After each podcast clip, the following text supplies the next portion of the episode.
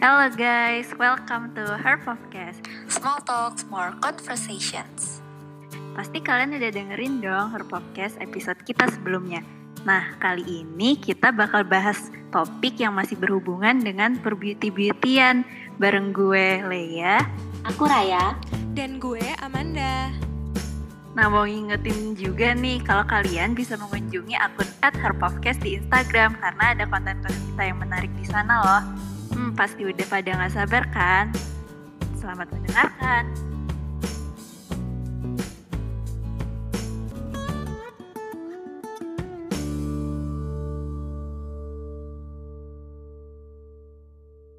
Halo semuanya. Kali ini kita udah di episode kelima loh. Yeay. Yeay. Jadi kali ini topik kita adalah health and beauty. Menurut gue health and beauty itu intinya lebih ke merawat diri kita. Ya nggak sih guys?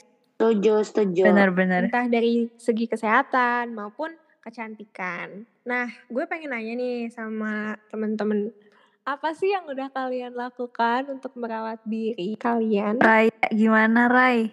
Kalau aku sih, ini mungkin disempitin selama-lama pandemi aja kali ya. Boleh. Jadi kalau selama pandemi sih, awalnya aku kalau dari health-nya aku ngide sih kayak rajinin workout, lihat YouTube gitu-gitu. Apalagi yang sekarang kayaknya ramai ya di Twitter. Banyak yang ngikutin workoutnya. Siapa tuh yang heboh banget yang Mhm. 14 days gitu. Clothing. Ah ya clothing. Ya pokoknya ikutin YouTube sih kalau aku. Terus juga dari makan, aku lagi coba program defisit kalori gitu. Tapi emang kayak apa yang dimakan masih sama gitu loh guys. Jadi nggak bener-bener makanan sehat, cuma dikurangin aja kayak gitu. Hmm. Kalau dari beauty-nya sih palingan lebih banyak mengenal skincare sih karena aku nggak tahu eh, kalian gitu juga apa enggak. Tapi pas awal pandemi itu aku sempat yang breakout gitu loh. Padahal kan nggak pernah keluar rumah ya, tapi malah breakout waktu di rumah aja. Jadi kayak Mhm. banget ya nggak sih jadi kayak pusing banget dan akhirnya eh, cari cara ini itu ini itu buat eh, ya menyembuhkan memperbaiki kondisi kulitku gitu sih kalau Lea gimana Aku sih, kalau aku di rumah ini kayak lagi cukup obsesi body care sih. Wow. Telur, habis itu krim bat, yang banget. gitu-gitu.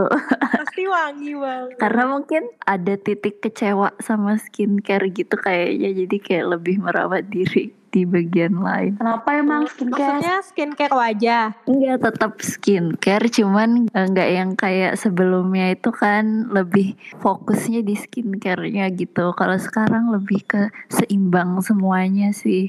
Wah, Kalau kesehatan gimana? Oh, kalau kesehatan sih ini ya ampun malah downgrade gitu sih. Sebenarnya sebelum corona itu pas masih ngampus gitu bener-bener yang gila banget itu bisa jogging seminggu lima kali gitu loh nggak tahu waktu. Tapi pas di rumah itu karena apa ya nggak ada temen gitu deh kayaknya jadinya tuh mulai lost banget kan. Terus tapi sekarang eh, kayak ada grup juga sih kayak orang-orang yang pengen olahraga bareng itu mulailah kayak kalau sekarang seminggu sekali adalah kayak workout gitu Wow. di Jimit alhamdulillahnya Keren-keren. emang kalau kebiasaan bareng temen gitu pas lagi nggak ada temen jadi susah iya sih iya membuat kebiasaan itu jalan parah lagi. beda banget itu vibesnya Manda gimana man Kalau gue ya sama pas sudah di rumah gini liburan ya bener-bener gue maksimalin tidurnya. Jadi tidur gue tuh harus cukup. Terus rajin olahraga juga. Olahraga yang gue ikutin itu workout sama yang dari YouTube itu gue ngikutin Pamela Reif.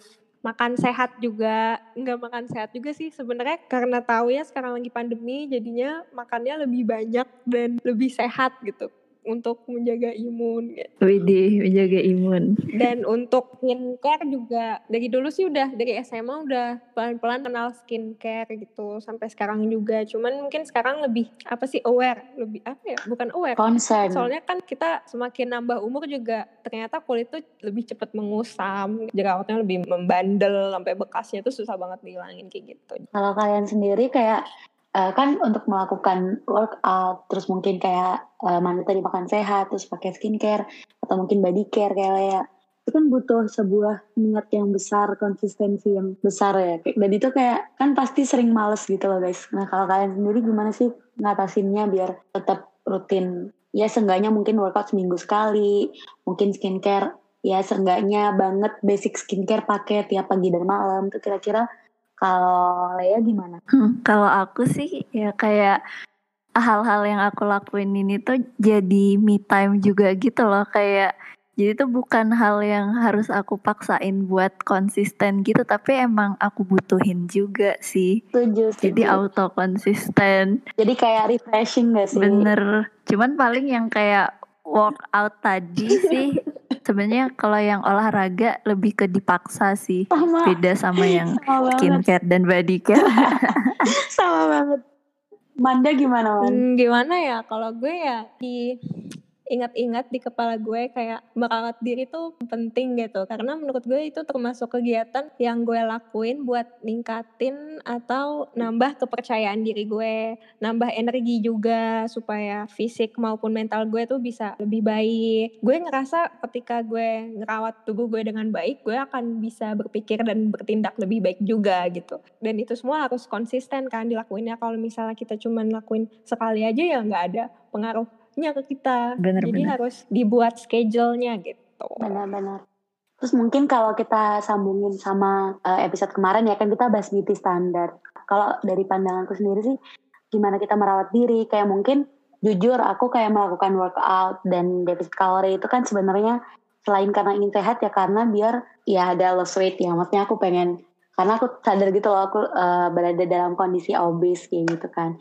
Dan itu kan pasti bukan sebuah beauty stand eh, nggak memenuhi beauty standar yang ada kan jadi kayak ketika aku melakukan ya workout, melakukan yang ngurangin makanan yang masuk ke tubuh, terus juga merawat diri, pakai skincare, itu kayak bener kayak kata Manda meningkatkan confidence di diri kita gitu loh. Jadi mungkin melakukan hal kayak gitu tuh nggak semata-mata buat orang lain, tapi justru lebih ke diri kita sendiri gitu loh efeknya kayak meskipun kita nggak memenuhi beauty standar yang ada, tapi seenggaknya kita merasa lah kalau kita ini cantik gitu. Meskipun ya cuma kita aja yang nganggep, tapi nggak masalah kan daripada daripada uh, kita sendiri yang menghujat diri sendiri, merasa minder dan lain-lain gitu sih. Relate banget sih. Yo, Oh ya, terus menurut gue menarik sih ini yang diet defisit kalori itu tuh sebenarnya kan banyak juga kayak diet ini diet ini banyak perdebatan gitu loh diet-diet yang aman dan gak aman. Sebenarnya kalau Betul. dari diet defisit kalori sendiri ini gimana sih dasar-dasarnya gitu, Rai? Iya, Rai. Gue penasaran deh. Ini setauku aja ya, aku mohon maaf kalau ada info yang salah. Defisit kalori itu salah satu jenis diet yang sebenarnya paling mudah dilakukan gitu loh. Karena basically yang kita lakuin tuh menghitung dan mengurangi jumlah kalori yang kita butuhin, yang kita masukin ke tubuh maksudnya. Ada ya namanya body mass index. Intinya ada kalori yang perlu kita capai, tapi juga ada kalori yang minimal banget dibutuhin sama organ-organ tubuh kita biar bisa tetap bisa berfungsi dengan baik. Takutnya kalau kita eh, misalnya diet apa karbo gitu-gitu, kalau kita nggak pinter-pinter menghitungnya, takutnya malah jadi terlalu rendah dari yang dibutuhin tubuh kita dan jadinya sakit. Basically kalau kalau defisit kalori itu, misal misal, aku sebenarnya dengan Sih. kan kalau kebutuhan kalori itu dihitung dari banyak faktor ya kayak usia, jenis kelamin, terus eh, tinggi badan, berat badan, aktivitas fisik kayak gitu. Iya. Jadi mungkin meskipun kita seumuran, meskipun mungkin berat badan kita sama, tinggi badan kita sama, kalau faktor stresnya beda, kalau Hmm. misalnya frekuensi olahraganya beda, itu juga kebutuhan kalorinya beda kayak gitu. Nah, anggaplah aku butuh kalori sehari itu 1800 misal. Tapi sebenarnya tubuhku ini minimal banget makan sehari 1200. Jadi aku cut kalori yang masuk ke tubuh jadi cuma 1300 atau 400 aja. Jadi masih memenuhi minimalnya tapi nggak sampai penuh. Jadi 400 sisanya dia ambil dari yang lebih-lebih jadi kayak lemak yang ada di tubuh kayak gitu-gitu. Mau lebih bagus lagi ya pasti dihitung Iya. lagi kayak berapa proteinnya, berapa karbonya, berapa gulanya gitu.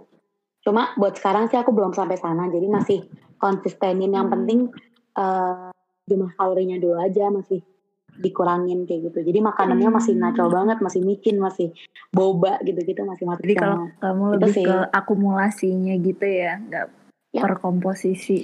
Keren. Keren banget. Kalau menurut kalian tuh kalau olahraga ya kan orang-orang tuh ada yang patokin durasinya. Misal sehari harus setengah jam atau misal dalam seminggu harus 150 menit. Ada juga yang cuma ya udah yang penting konsisten berapa hari dalam seminggu atau ya udah yang penting kalori yang kebakar segini meskipun durasinya lama atau cepat. Nah, kalau menurut menurut Manda gimana sih kayak olahraga yang kita butuhin tuh?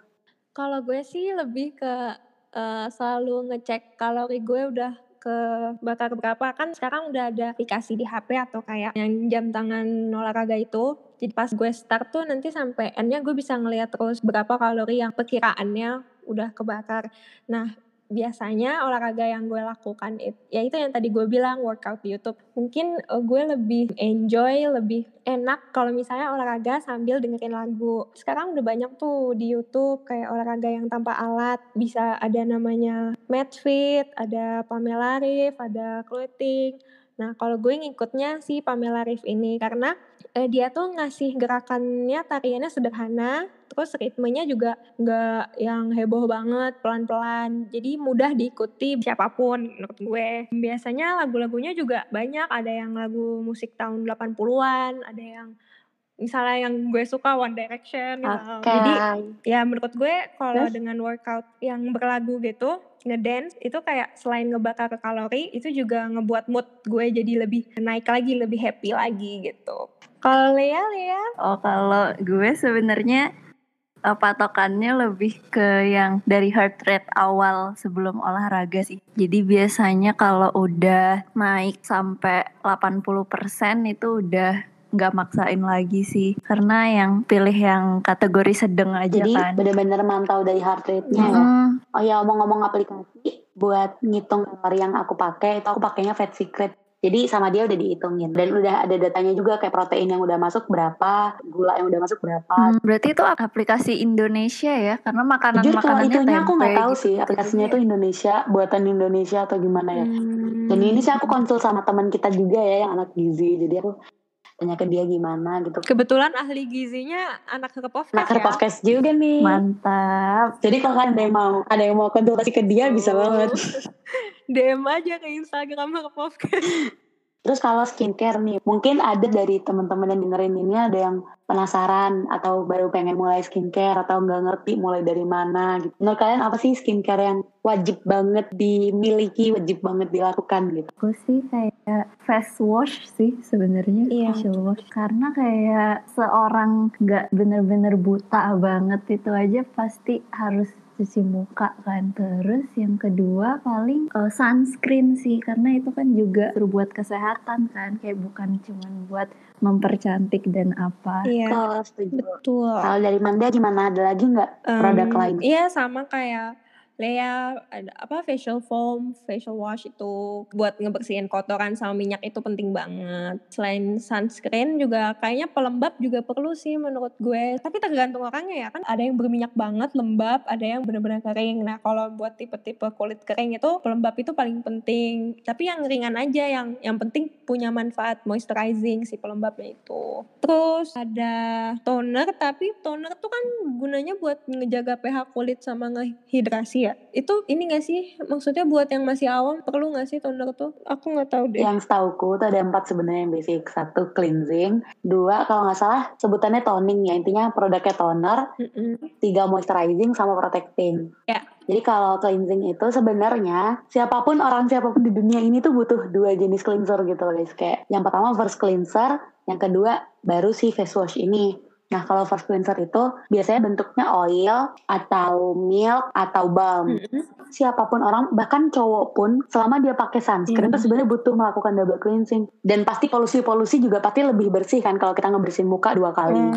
Jadi yang pertama itu terus face wash. Yang tadi step kedua toning atau toner. Ini aku sebenarnya lebih ke ngerangkum ya guys. Jadi kayak yang dibilang Manda tadi, pasti kan kadang abis cuci muka suka keset tuh kayak gimana. Iya. Toning kalau pakai toner tuh bisa balikin pH, bisa ya kalau bahasa gampangnya bikin muka jadi seger lagi gitu. Iya betul. Jadi nyaman lagi. Terus yang ketiga, mungkin Iya. sebenarnya teman-teman udah sering dengar kan kayak serum, essence, apalah-apalah yang banyak sebutannya. Itu bukan basic gitu loh. Basic yang ketiga adalah moisturizing atau pelembab, moisturizer gitu. Nah, pokoknya empat hal ini tuh bener-bener harus dipakai semua orang gitu loh. Mungkin ada yang mikir kalau pakai moisturizer Iya, lagi, pakai pelembab lagi itu kayak jadinya lengket gimana-gimana. Sebenarnya enggak, karena oily itu kulit yang berminyak, moisturizer itu membuat kulit kita terlembati kayak gitu. Terus yang terakhir protecting atau sunscreen kayak yang dibilang Lea. Ya kita semua tahu matahari begitu jahat. Semua orang harus pakai cewek cowok mau makeup mau enggak mau keluar Iya. rumah atau enggak meskipun 24 jam di rumah itu juga tetap harus pakai sunscreen dan yang paling penting reapply aku sih biasanya pakai pagi abis zuhur sama abis asar itu kalau dari aku ya semoga membantu Kalau ini exfoliator itu itu ngangkat sel kulit mati kan ya? Itu nggak boleh sering-sering ya? karena tadi sebenarnya kita membahas tentang basic skincare jadi makanya nggak sebut tentang exfoliator tapi sebenarnya exfoliator juga penting cuma kalau masih pertama ya. banget tuh kuatin di basicnya gitu loh kayak karena Oh, exfoliator kan ngupas kulit kita ya takutnya gini kalau basicnya kuat tapi terus kita kelopekin kita kupas sama exfoliator kan yang tadinya belum bagus terus dikopekin jadi kayak makin nggak bagus gitu guys Hmm, I ya see. seminggu mungkin 1 sampai tiga kali aja. Disesuaikan sama kondisi kulit sih sebenarnya tapi itu bukan basic guys Bukan prioritas lah ya intinya. Berarti penting ya buat kita mengenal jenis kulit kita sendiri. Soalnya kadang gue misalnya nonton di YouTube nih, kan biasanya banyak produk-produk istilahnya mereka bilang racun skincare gitu. Jadi pas gue nonton mereka bilang A, B, C, D bagus bisa buat kulit kalian seperti ini, seperti ini. Akhirnya gue beli padahal itu juga belum tentu cocok di kulit gue gitu ya. benar setuju Ya sih aku cuman kayak curious gitu yang orang Korea kan suka membumingkan 10 step gitu ya. Skincare itu sebenarnya kayak emang sesuatu yang mereka lakukan juga apa itu cuman marketing sih. Curious aja gitu. Korea ya. jujur ya jujur aku juga kepo maksudnya aku dulu juga berpikir kayaknya itu salah satu marketing doang karena nggak mungkin tapi jujur aku nggak melebay-lebaykan tapi aku pakai loh kayak semuanya setelah sekian lama Korban marketing. jadi ya gimana ya korban marketing tapi maksudnya ya memang ada efeknya gitu loh Eh gue mau nanya deh, Eh, gue pernah baca katanya ketika apa umur 20-an itu udah mulai penuaan dini. Nah itu bener gak sih dok? Iya, kayak dokter os jadinya. Gimana dok, Lea? Gimana? Eh, aging ya berarti. Iya. emang setiap waktu akan menua gitu kan Mm-mm. eh, sel-sel kita cuman sebenarnya nggak se-20-an itu juga deh kayaknya marketing deh itu soalnya kan eh, ada juga beberapa kasus itu kayak kecanduan apa ya bukan kecanduan tapi lebih ke terlalu banyak antioksidan tapi jadinya malah kanker gitu karena kanker itu kan selnya terus berproliferasi gitu kan dan antioksidan itu kan Apa tuh dok? Apa tuh dok maksudnya? Iya kan intinya eh, gampangnya kalau aging itu kan berarti sel-selnya mengalami kematian gitu makanya banyak produk-produk antioksidan gitu kan. Ya, Nah tapi banyak juga beberapa kasus kayak terlalu banyak Iya. pakai antioksidan itu justru larinya ke kanker karena kanker itu kan konsepnya selnya itu terus berkembang. Nah bahasanya tuh berproliferasi gitu jadi Iya. kayak banyak banyak banyak. Uh, karena ditahan kematiannya terlalu over jadinya kanker gitu sih bahayanya. Takutnya gitu kalau udah dari muda tapi kebanyakan pakai yang anti aging anti aging gitu. Hmm, Oh, sebenarnya ya balik lagi sih kayak eh, ke kebutuhan kulit masing-masing. Jujur kayak aging ya, aku nggak merasa aku udah tua sih kayak ya kan, kayak kita masih Iya. muda, masih cantik lah. Maksudnya bukan yang udah gimana-gimana. Tapi kalau aku lihat secara detail itu di di bawah mata aku udah mulai ada garis-garis halus gitu loh. Dan itu kan termasuk salah satu bentuk aging kan. Dan mungkin di kalian belum, tapi ada tanda lain yang kalian punya dan aku nggak punya kayak gitu. Aku bener-bener menyadari udah mulai ada garis halus, aku jadi mulai cari-cari eye cream buat ya setidaknya menangani lebih awal. Cuma ya tetap bener kayak kata Lea jangan terlalu yang heboh banget sampai wah udah kepala dua langsung pakai semuanya nggak aging ya enggak juga.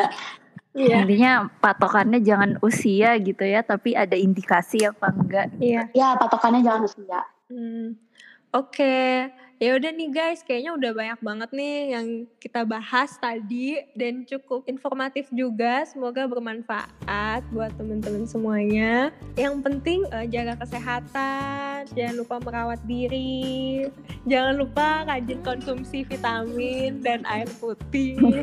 Setidaknya minum satu setengah liter sampai 2 liter sehari buat ngejaga keseimbangan cairan di dalam tubuh kita. Ya udah gitu aja guys stay healthy, stay beautiful. Dadah. Dadah. See you. Dadah. Dadah.